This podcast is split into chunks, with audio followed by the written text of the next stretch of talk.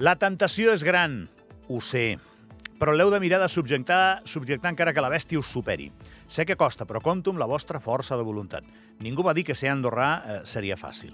Sé que a molts de vosaltres us subleva que el govern es gasti 2,7 milions d'euros en unes pintures que, a més, estaven dins d'una església i es van malvendre uns capellans. Ho sé.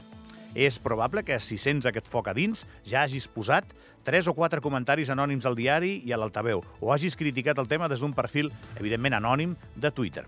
Puc entendre't. I sé que són temps en què s'ha de mirar molt eh, en què gastes els diners públics, sens dubte.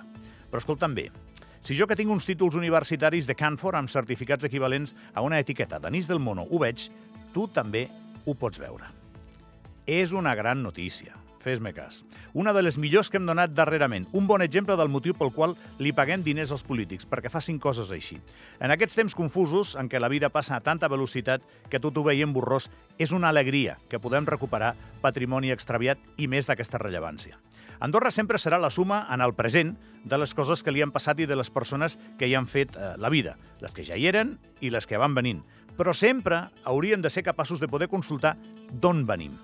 I això no és ni d'esquerres, ni de dretes, ni de centre. Sempre serem terra d'acollida, segur, però ens hem d'esforçar tot el que podem en què els que venen a viure aquí sàpiguen que tenim una història, un idioma i uns costums. Des d'aquest punt de vista, recuperar les pintures de Sant Esteve és una notícia sensacional.